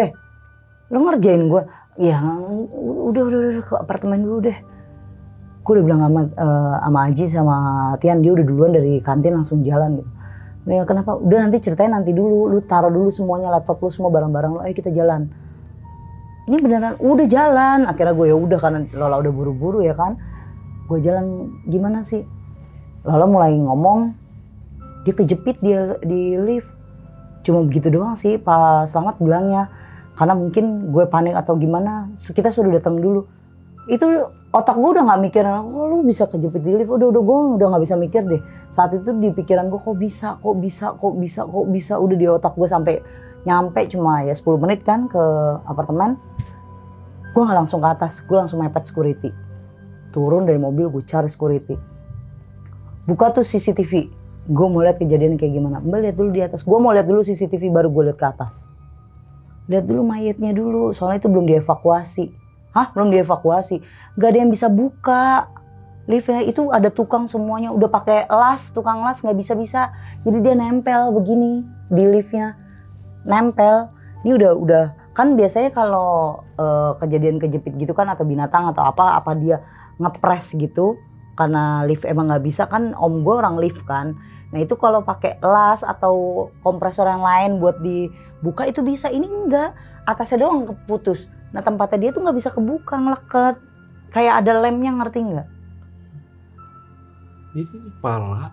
Pala harusnya kan kalau kejepit dia begini doang kejepit. Tapi posisi dia di palanya itu yang paling bawah. Tempat kaki, palanya dia di bawah. Oh, palanya di ini tempat kaki lift nih, Ah. tempat injekan. Ah. Palanya dia di sini. Jadi palanya dia udah mepet banget ke bawah. Dan pas ditemuin emang badannya dia bengkok gitu. Jadi kayak dia ngerangkak tidur gitu loh. tapi kejepit kayaknya seakan-akan dia tuh lagi nengok gitu nengok keluar mungkin dia jatuh kayak jatuh gitu lah ya lang. Saat jatuh dia mau minta tolong gitu lagi nengok kanan kiri mungkin ya ini persepsi otak gue. Itu dia langsung kejepit gitu langsung mepet gitu. Langsung rapet ya pintunya langsung ketutup. Jadi posisi di belakang eh di tempat kejadiannya itu gue akhirnya naik ke atas pas ngeliat bener posisinya dia tiduran. Badannya dalam tengkurap iya di badannya dalam cuma mukanya doang. Dan itu udah hampir setengah matanya dia itu keluar.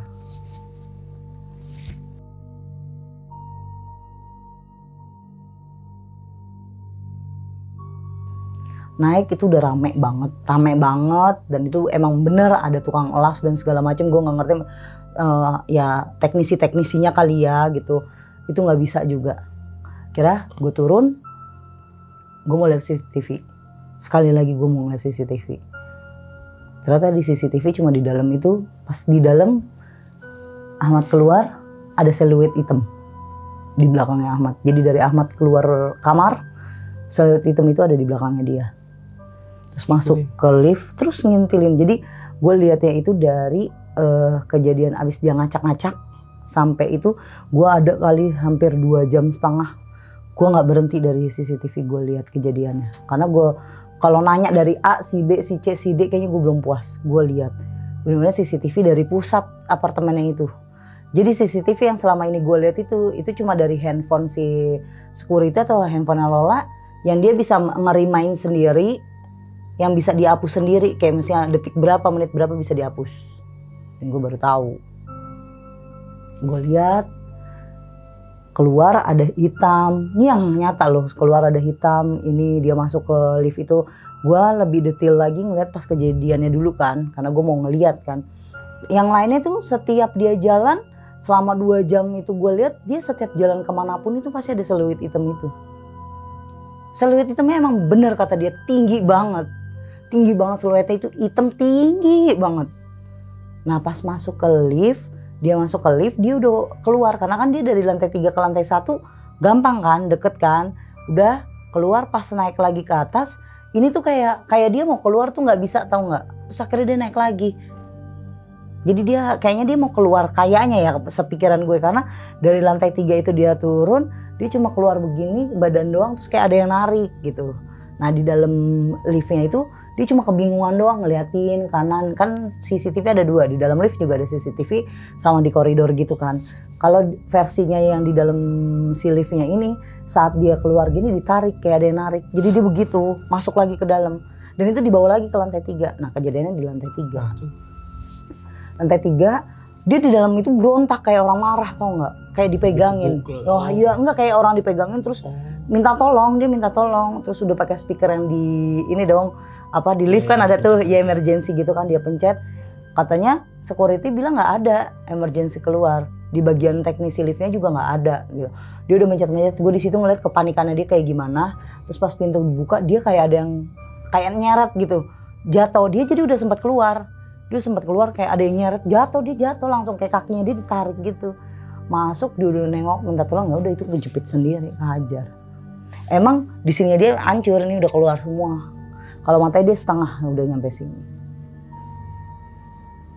Itu benar-benar kelihatan banget nyata. Cuma kalau dari kita nggak nggak ngelihat langsung begini ya di CCTV jadi dilihat dari samping dari samping atas gitu Iya, kan. bener. jadi cuma ya. iya jadi cuma ngelihat puncratan darahnya doang. Nah kejadian itu udah dibu udah banyak kantor polisi itu udah ada 8 jam baru bisa dilepasin pengaitnya. Dan itu gara-gara ada satu teknisi yang bilang ini harus pakai spiritual. Kalau kita bilang entah kiai entah apa. Ternyata bener memang ada kiai sekitar di situ langsung kebuka liftnya. Yang tempat tadi itu langsung kayaknya gampang banget diginiin. Dia pakai sarung tangan tuh kiai baru bisa jadi rapihin masukin ke kantong plastik gitu kan mayat udah selesai kejadian itu keluarga dia datang yang di- kita nggak ada yang dimintain apa keterangan. Di, kan di tetap ada polisi kan karena kita semua nggak ada di tempat gitu. Kita semua nggak ada di tempat jadi yang dimintain keterangan cuma polisi. Tapi semenjak kejadian itu di lantai tiga makin udah nggak beres. Kan makin nggak beres. Pokoknya yang lantai 4, 5 sampai 7 itu yang kita yang bete. Karena kita kalau turun selalu ngeliat dia selalu ngeliat dia.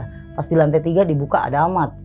Dalam keadaan hancur dan itu tuh the point kalau setan-setan lain punya suara atau kebuka doang ini enggak. Setiap di lantai 3 itu baru-baru langsung buka jeng-jeng setannya dia di depan muka. Dengan dalam keadaan yang hancurnya itu. Ini siapa yang lihat? Lu? ya semua penghuni. Entah ada yang di belakangnya. Tapi dia posisinya benar-benar di depan lift. Nggak pernah yang namanya dari jauh apa suaranya. Enggak dia di depan lift dan dia selalu yang dia eh, ke penghuni lain kecuali ke Lola atau ke gue. Eh, kalau ke gue cuma sekali dia minta tolong. Ri tolongin. Udah. Gue dimimpin sama dia pun Ri tolongin. Udah itu doang. Tapi kalau penghuni lain semuanya ngomong sama Tian Aji ke Pak Slamet selalu nih nih kayaknya yang eh, di sini harus dibacain doa atau apa deh Pak Slamet kalau kita turun ke lantai tiga selalu dia minta tolong soalnya dan itu nampakin terus akhirnya lantai lima itu kosong.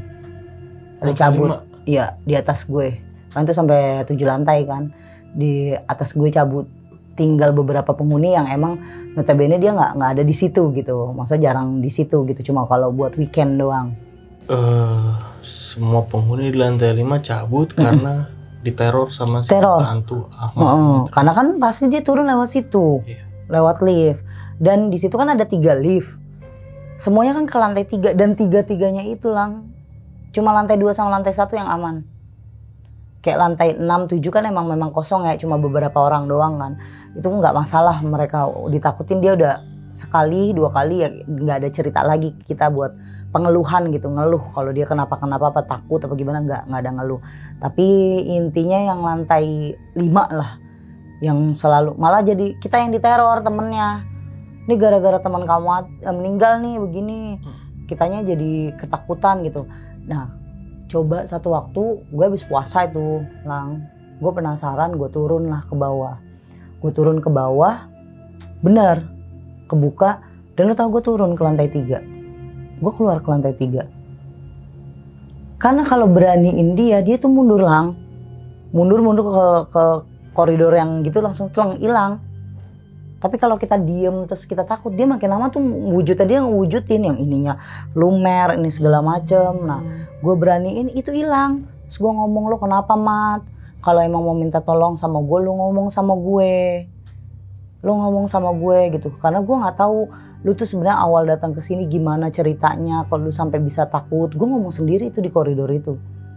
Terus Lola telepon gue lu jangan aneh-aneh Ri. Gue ngeliat di sini di CCTV lu masuk lu naik ke atas. Atau kalau lu mau beli makanan lu beli makanan langsung naik lagi ke atas.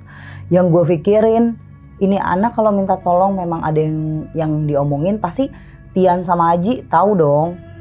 Tahu dong kejadiannya gitu. Maksudnya tahu dong nih anak kenapa sampai bisa minta tolong. Pasti yang dia kasih tahu ke gue tuh cuma minta tolong doang gitu. Dari setiap malam gue lang gue masuk udah pulang ke apartemen masuk ke kamar itu sekitar jam 9 malam dari kantor abis kejadian itu dua hari abis kejadian itu. Gue tanya nih lo pada mau balik ke apartemen ntar aja. Gue mau agak maleman karena kerjaan gue masih banyak. Oke emang mereka pada kan abis dari kafe kan gue sendirian yang ngerjain di kantor. Gue balik ke apartemen begitu lang pulang cuma gue nggak mau ngeliatin depan deh gue buang muka nih. Pas buka lantai kan ke lantai tiga emang jadi error kan setiap Iya, lewatin setiap lantai tiga heeh. pasti. gue nggak mau ngeliat ke situ gue buang muka karena kayak dibilang takut gue takut lah. Karena gue pernah hidup bareng sama dia gitu temenan sama dia gitu. Buka cuma gitu kayak orang napas. Itu di samping di sini gue nih. Karena gue buang buang muka kan gue nggak mau ngeliat. Dan gue nggak nggak main handphone nggak apa gue gue mau nggak mau fokus gue pokoknya merem aja. Kayak ada napas lanjut ting tung udah bunyi dah nih lantai 4 gue masuk kamar.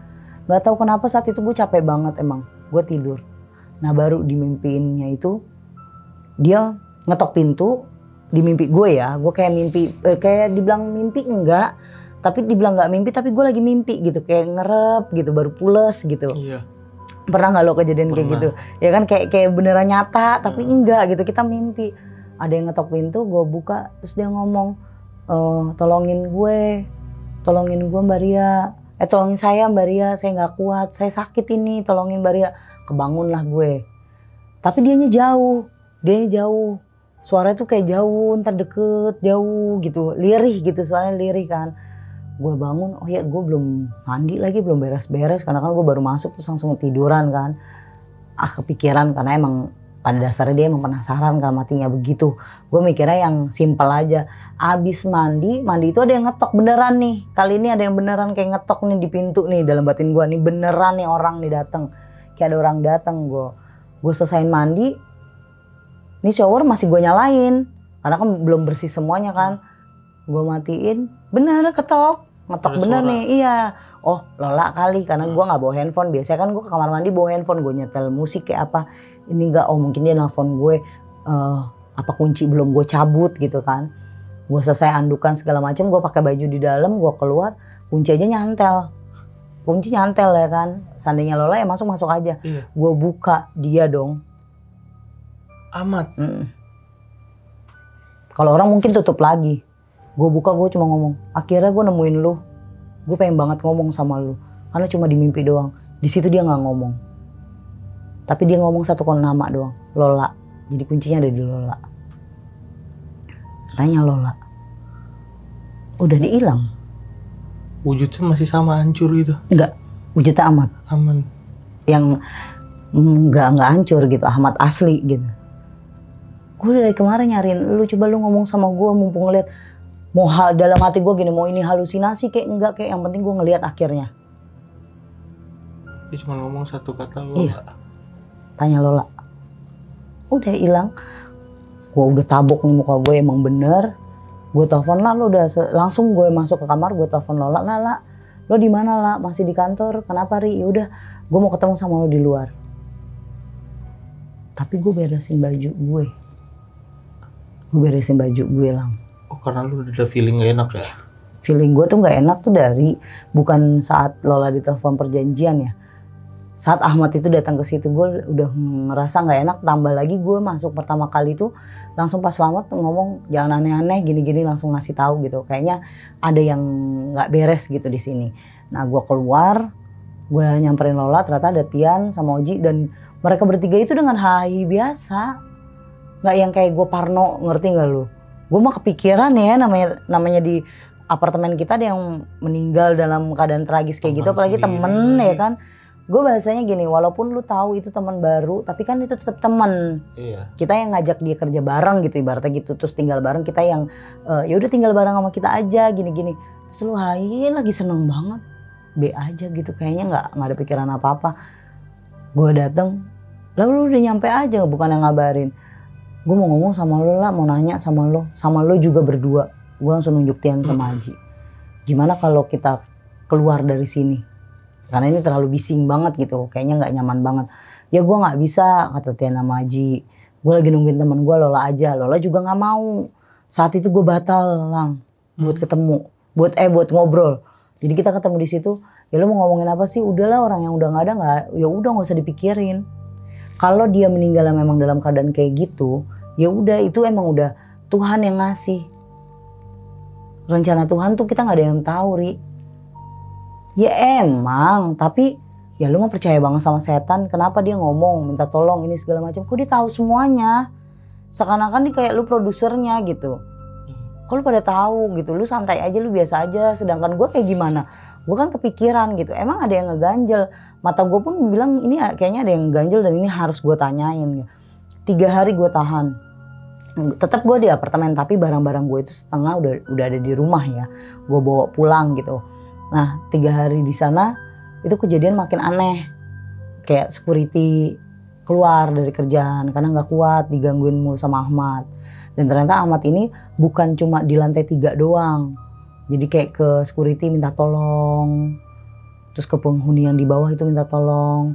Tapi kalau dilalahnya mereka naik ke lantai tiga ya itu pasti ditemuin langsung tapi minta tolongnya memang lirih nggak pernah nunjukin muka kalau ke penghuni tapi kalau ke security itu yang sampai keluar mukanya dia ditunjukin yang hancur jadi satu waktu itu pak bapak eh, security ini selain pas selamat kan ada banyak ya ada 16-an lah gitu ya banyak Hmm. nah itu salah satunya namanya Pak Dedi itu yang keluar Pak Deddy bilang saya lagi tidur sekitar jam 11 malam. Itu selesai keliling, kunci-kunciin kayak titik-titik uh, tangga darurat tuh dibuka-bukain. Nah, terus kunci-kunciin gerbang digituin kan di belakang ada tuh neng gerbang-gerbang terus nyala-nyalain lampu koridor digituin kan. Terus genset dinaikin. Nah selesai genset genset kan gede. Balik badan dari genset neng. Saya ngeliat itu ada orang berdiri. Saya emang biasa aja. Apa dia lagi nungguin apa? Saya cuma ngomong kayak gini mas nungguin orang? Dia diem aja. Ya udah saya nggak pikirin saya balik lagi ke pos saya. Saya tidur tiduran karena yang nggak nggak ada kerjaan apa apa dia datengin saya pak tolongin saya pak bilang sama Lola pak saya salah apa gitu Dia bilang gitu mas security iya Mas siapa ya? Dia nengok mukanya bener-bener nunjukin ya. Lo bayangin kalau orang kejepit terus itu lumer semuanya dan itu masih seger. Kata Pak Deddy itu darahnya darahnya masih seger Mbak Ria. Kalau darahnya kayak cuma di sini doang, ini darah dia netes dari mata, dari mulut, dari hidung. Semuanya masih seger banget. Saya nggak saya nggak ngomong nggak ada omongan apa-apa, pingsan saya. nggak kuat. blackout langsung Kalau orang ada bisa sanggup lari saya jago itu orang di depan muka dia minta tolong nyentuh dingin banget badannya dia. Makanya saya resign. Udah kejadian itu kayaknya dalam hati gue udah kayaknya udah cukup deh gue harus cari tahu sendiri gitu kan. Kenapa ini? Kira gue nanya pas selamat, pas selamat nangis gue tanya. Jadi gue datengin rumah pas selamat. Gue nanya sama Pak Dedi. Terus ada namanya Pak Thomas. Pak Thomas ini yang nolongin gue. Pak Thomas bilang memang kalau Pak Selamat ini tangan kanannya uh, ayahnya si Lola di sini di apartemen gitu. Ada delapan security tuh bawaannya bapaknya Lola. Um, akhirnya gue minta tolong sama Pak Thomas, minta tolong alamatnya Pak Selamat, gue datengin Pak Selamat sendirian. Gue mau cari tahu sendiri ada apa. Tanya, gue tanya, gue datang, gue nemuin itu rumahnya dia di deket Jakarta Pusat lah, daerah Jakarta Pusat. Gue samperin, kaget tuh Pak Selamat. Gue datang, ada apa ya Mbak? Nggak pakai, gue jawab assalamualaikum nggak dijawab. Ada apa ya Mbak Ria? Kenapa Mbak Ria ke sini gitu? Tahu rumah saya dari mana?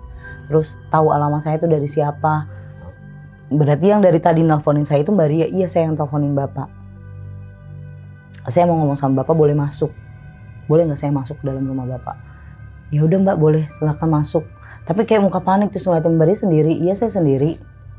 Gue masuk dengan tenang gue bilang pak saya memang orang baru di apartemen saya juga diajak sama Lola tapi ini kejadiannya menurut saya kurang banget uh, apa ya di nalar tuh nggak bisa karena dia orang baru.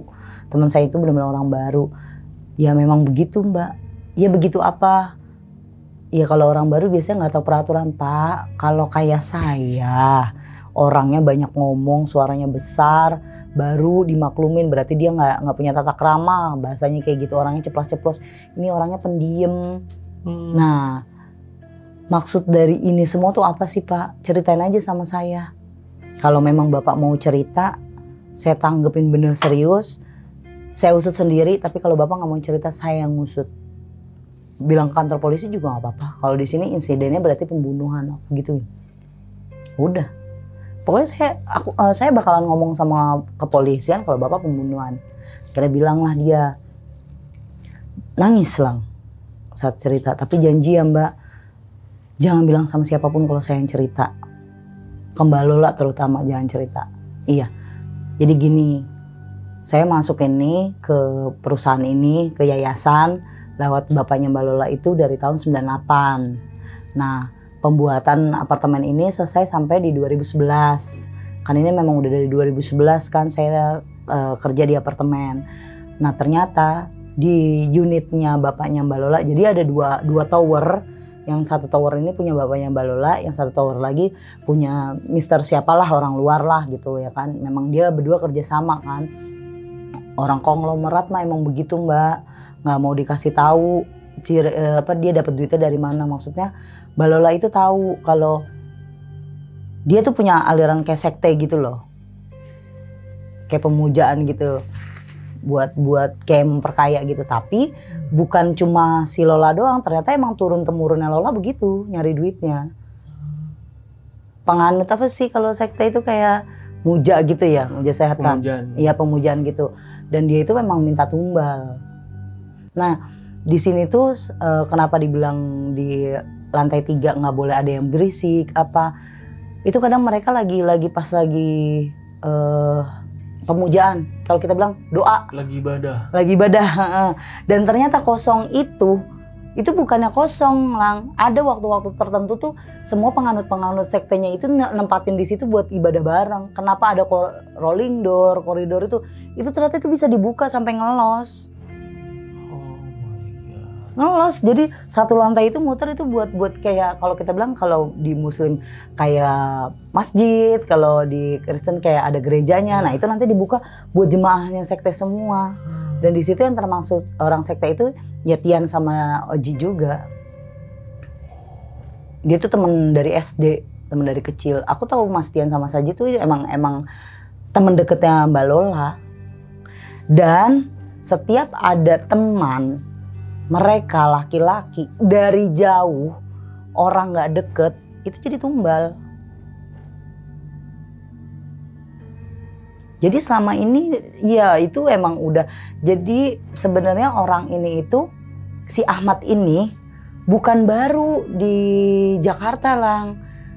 Bukan gue nemuin dia eh, baru. Enggak memang yang ngurusin untuk interview itu Tiana Maji yang bagian lowongan pekerjaan gitu. Terus nanti ada WhatsApp yang masuk dia. Ternyata ini orang si Ahmadnya ini temen deketnya dia. Tapi memang dari Palembang temen chattingan. Hmm. dan si Ahmad ini penyakit juga. Gay dan cinta segitiga. Nah dibawalah nah dia buat perjanjian lah itu. Gue nggak tahu sam kapan dia buat perjanjiannya itu malam. Pas lagi sembayang si Ahmad ini teriak nggak terima marah berantem ceritanya berantem sama Tian kan pacaran dia berdua berantem nah di situlah Lola ngutusin kalau kayaknya kalau dia bakal bilang sama Ria deh kalau kita punya nganut gini dia aja dijadiin tumbal gitu nah dibikinnya mereka itu pakai bubuk bunyi. Ah, terus nggak bunyi tadi. Kaget gua. Denger nggak lu? Klek. Nah, di, jadi gini. Nah, gue bilang gini, kok Pak bisa sih Pak, em, nih orang pas datang ke tempat apartemen, ibaratnya di apartemen baru dua hari aja udah bikin halusinasi. Jadi saya tuh udah kenal sama Mas Ahmad, saya udah pernah ngeliat Mas Ahmad. Tapi emang Mas Ahmad nggak pernah ngeliat saya. Saya kan sering kayak jadi bodyguard Mbak Lola ke mana pun, cuma Hmm. beda mobil gitu. Makanya saya kenal sama Mbak Ria, saya ingetin jangan berisik dan segala macem saya nggak mau kalau teman-teman yang Mbak Lola yang emang sama Mbak Lola dijaga tuh kenapa-napa gitu. Nah, saya tahu Mas Ahmad itu pacaran Mas Tian, saya tahu. Dia bilang gitu. Ternyata selama dia di apartemen dibikin kayak dikasih obat, tahu nggak lo? Obatnya itu untuk berhalusinasi. Kalau dia ngeliat ini, ngeliat ini, ngeliat ini. Dia itu cuma halusinasinya dia. Bener-bener halusinasinya dia. Tapi yang di CCTV yang bayang Yang di CCTV yang terakhir itu kita lihat memang itu benar karena dia udah udah titik penumbalan. Dia udah kalau kita bilang eh, kayak udah ritual Oh, udah, udah, Penyerahan. Udah di marking lah ya. penyerahan. Udah diincer. Nah gue diem. Emang masih ada ya sekte begini? Itu bapaknya Mbak Lola. Itu kepala sekte di mana? Nasional. Jadi kayak bapaknya Lola itu penyakit, ibunya Lola juga penyakit, dan kayak ibaratnya bapaknya Lola di eh, apa dia jenderal di gay-nya, ibunya di lesbinya gitu. Dan itu masih masih masih bisa, eh masih masih masa lu masih aktif gitu. Kalau bapak ibunya udah enggak, tapi ke sininya masih sekte anak-anaknya. Dan semuanya Gilang. Kakak-kakaknya dia yang di luar negeri itu semua sekte semua. Sekte apa sih? Lu tahu namanya? apa? Ya? Gue gue juga nggak ngerti. Pokoknya dia tuh kayak pemujaan gitulah setahu gue kayak penganut gitu pemujaan Hmm, ngadut pemuja-muja iblis. tapi lo gitu. pernah denger kan pernah? iya kalau denger doang gitu ya nah ini gue juga baru tahu maksud teman gue sendiri gitu dari situ gue nggak gue nggak habis pikir dramanya ternyata lu udah banyak ya udah panjang cuma nutupin dari gue gitu kayak Ahmad tiba-tiba eh, pantesan kayak dia tuh langsung welcome gitu aja loh Tiana Maji kayak udah tidur aja ya di tempat gue gitu. Kayak seakan-akan biasa aja karena gini iya gue leadernya mereka.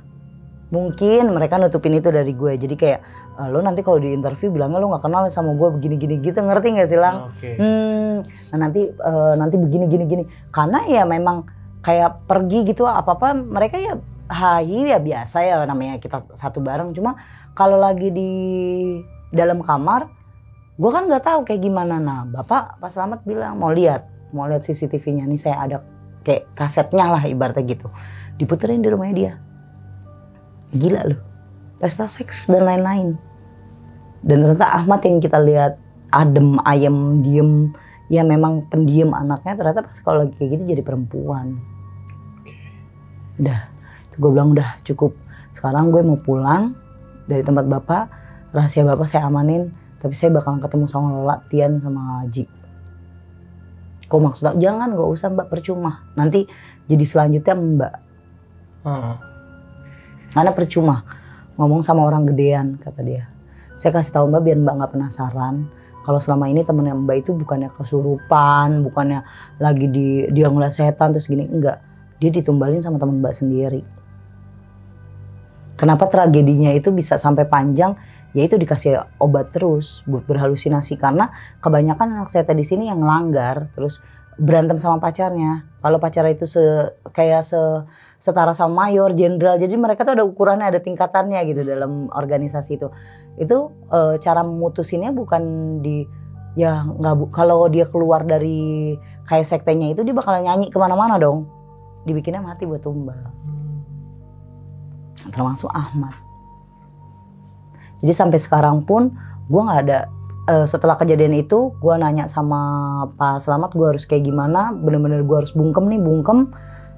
Gue menjalani biasa besoknya sama Lola tapi gue resign dari kerjaan. Lu resign. gue resign.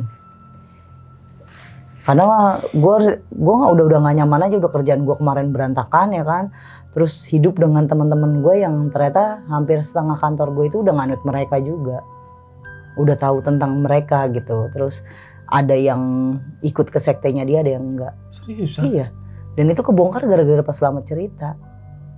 Dan, Dan- yang tahu cuma lu doang ya? gue doang. Karena satu perusahaan itu ternyata itu juga punya bapaknya Lola. Makanya gue selalu bilang kan Lola gabut. Hmm. dari awal gue bilang Lola itu kayak gabut karena terlalu kaya atau gimana gue nggak ngerti. Ternyata ya udah. Karena gue kan eh, marketingnya pariwisata Iya. gue pariwisata. Jadi memang bapaknya Lola yang megang saham terbesar di situ. Dan itu emang punya punya kelolaan keluarganya Lola. Lola nggak ngapa-ngapain emang gue akuin. Ya biasa aja gitu. Dan kebanyakan itu anak buahnya dia sekte semua. Dan yang beda itu cuma 10 orang termasuk gue. Yang dari orang luar yang nggak tahu apa-apa. Kenapa gue bilang mata gue nggak bisa ngeliat nih? Kalau masalah setan gue pasti biasanya bisa ngeliat dong lang. Apalagi gue yang terlalu peka banget. Ya orang itu dibuat.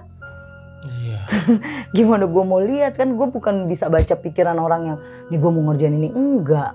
Itu emang satu insiden yang emang eh, maksudnya bukan direncanakan tapi kayak tragedinya itu mereka udah bia- biasa begitu. Daripada lu keluar dari sekte gue cerita sama banyak orang udah gitu. Cuma setelah gue kerja lepas dari kerjaan itu gue resign eh, yang kesisa teman-teman gue yang lain itu yang kayak Aji, Tian, Maria itu gue nggak pernah nggak pernah kontak lagi.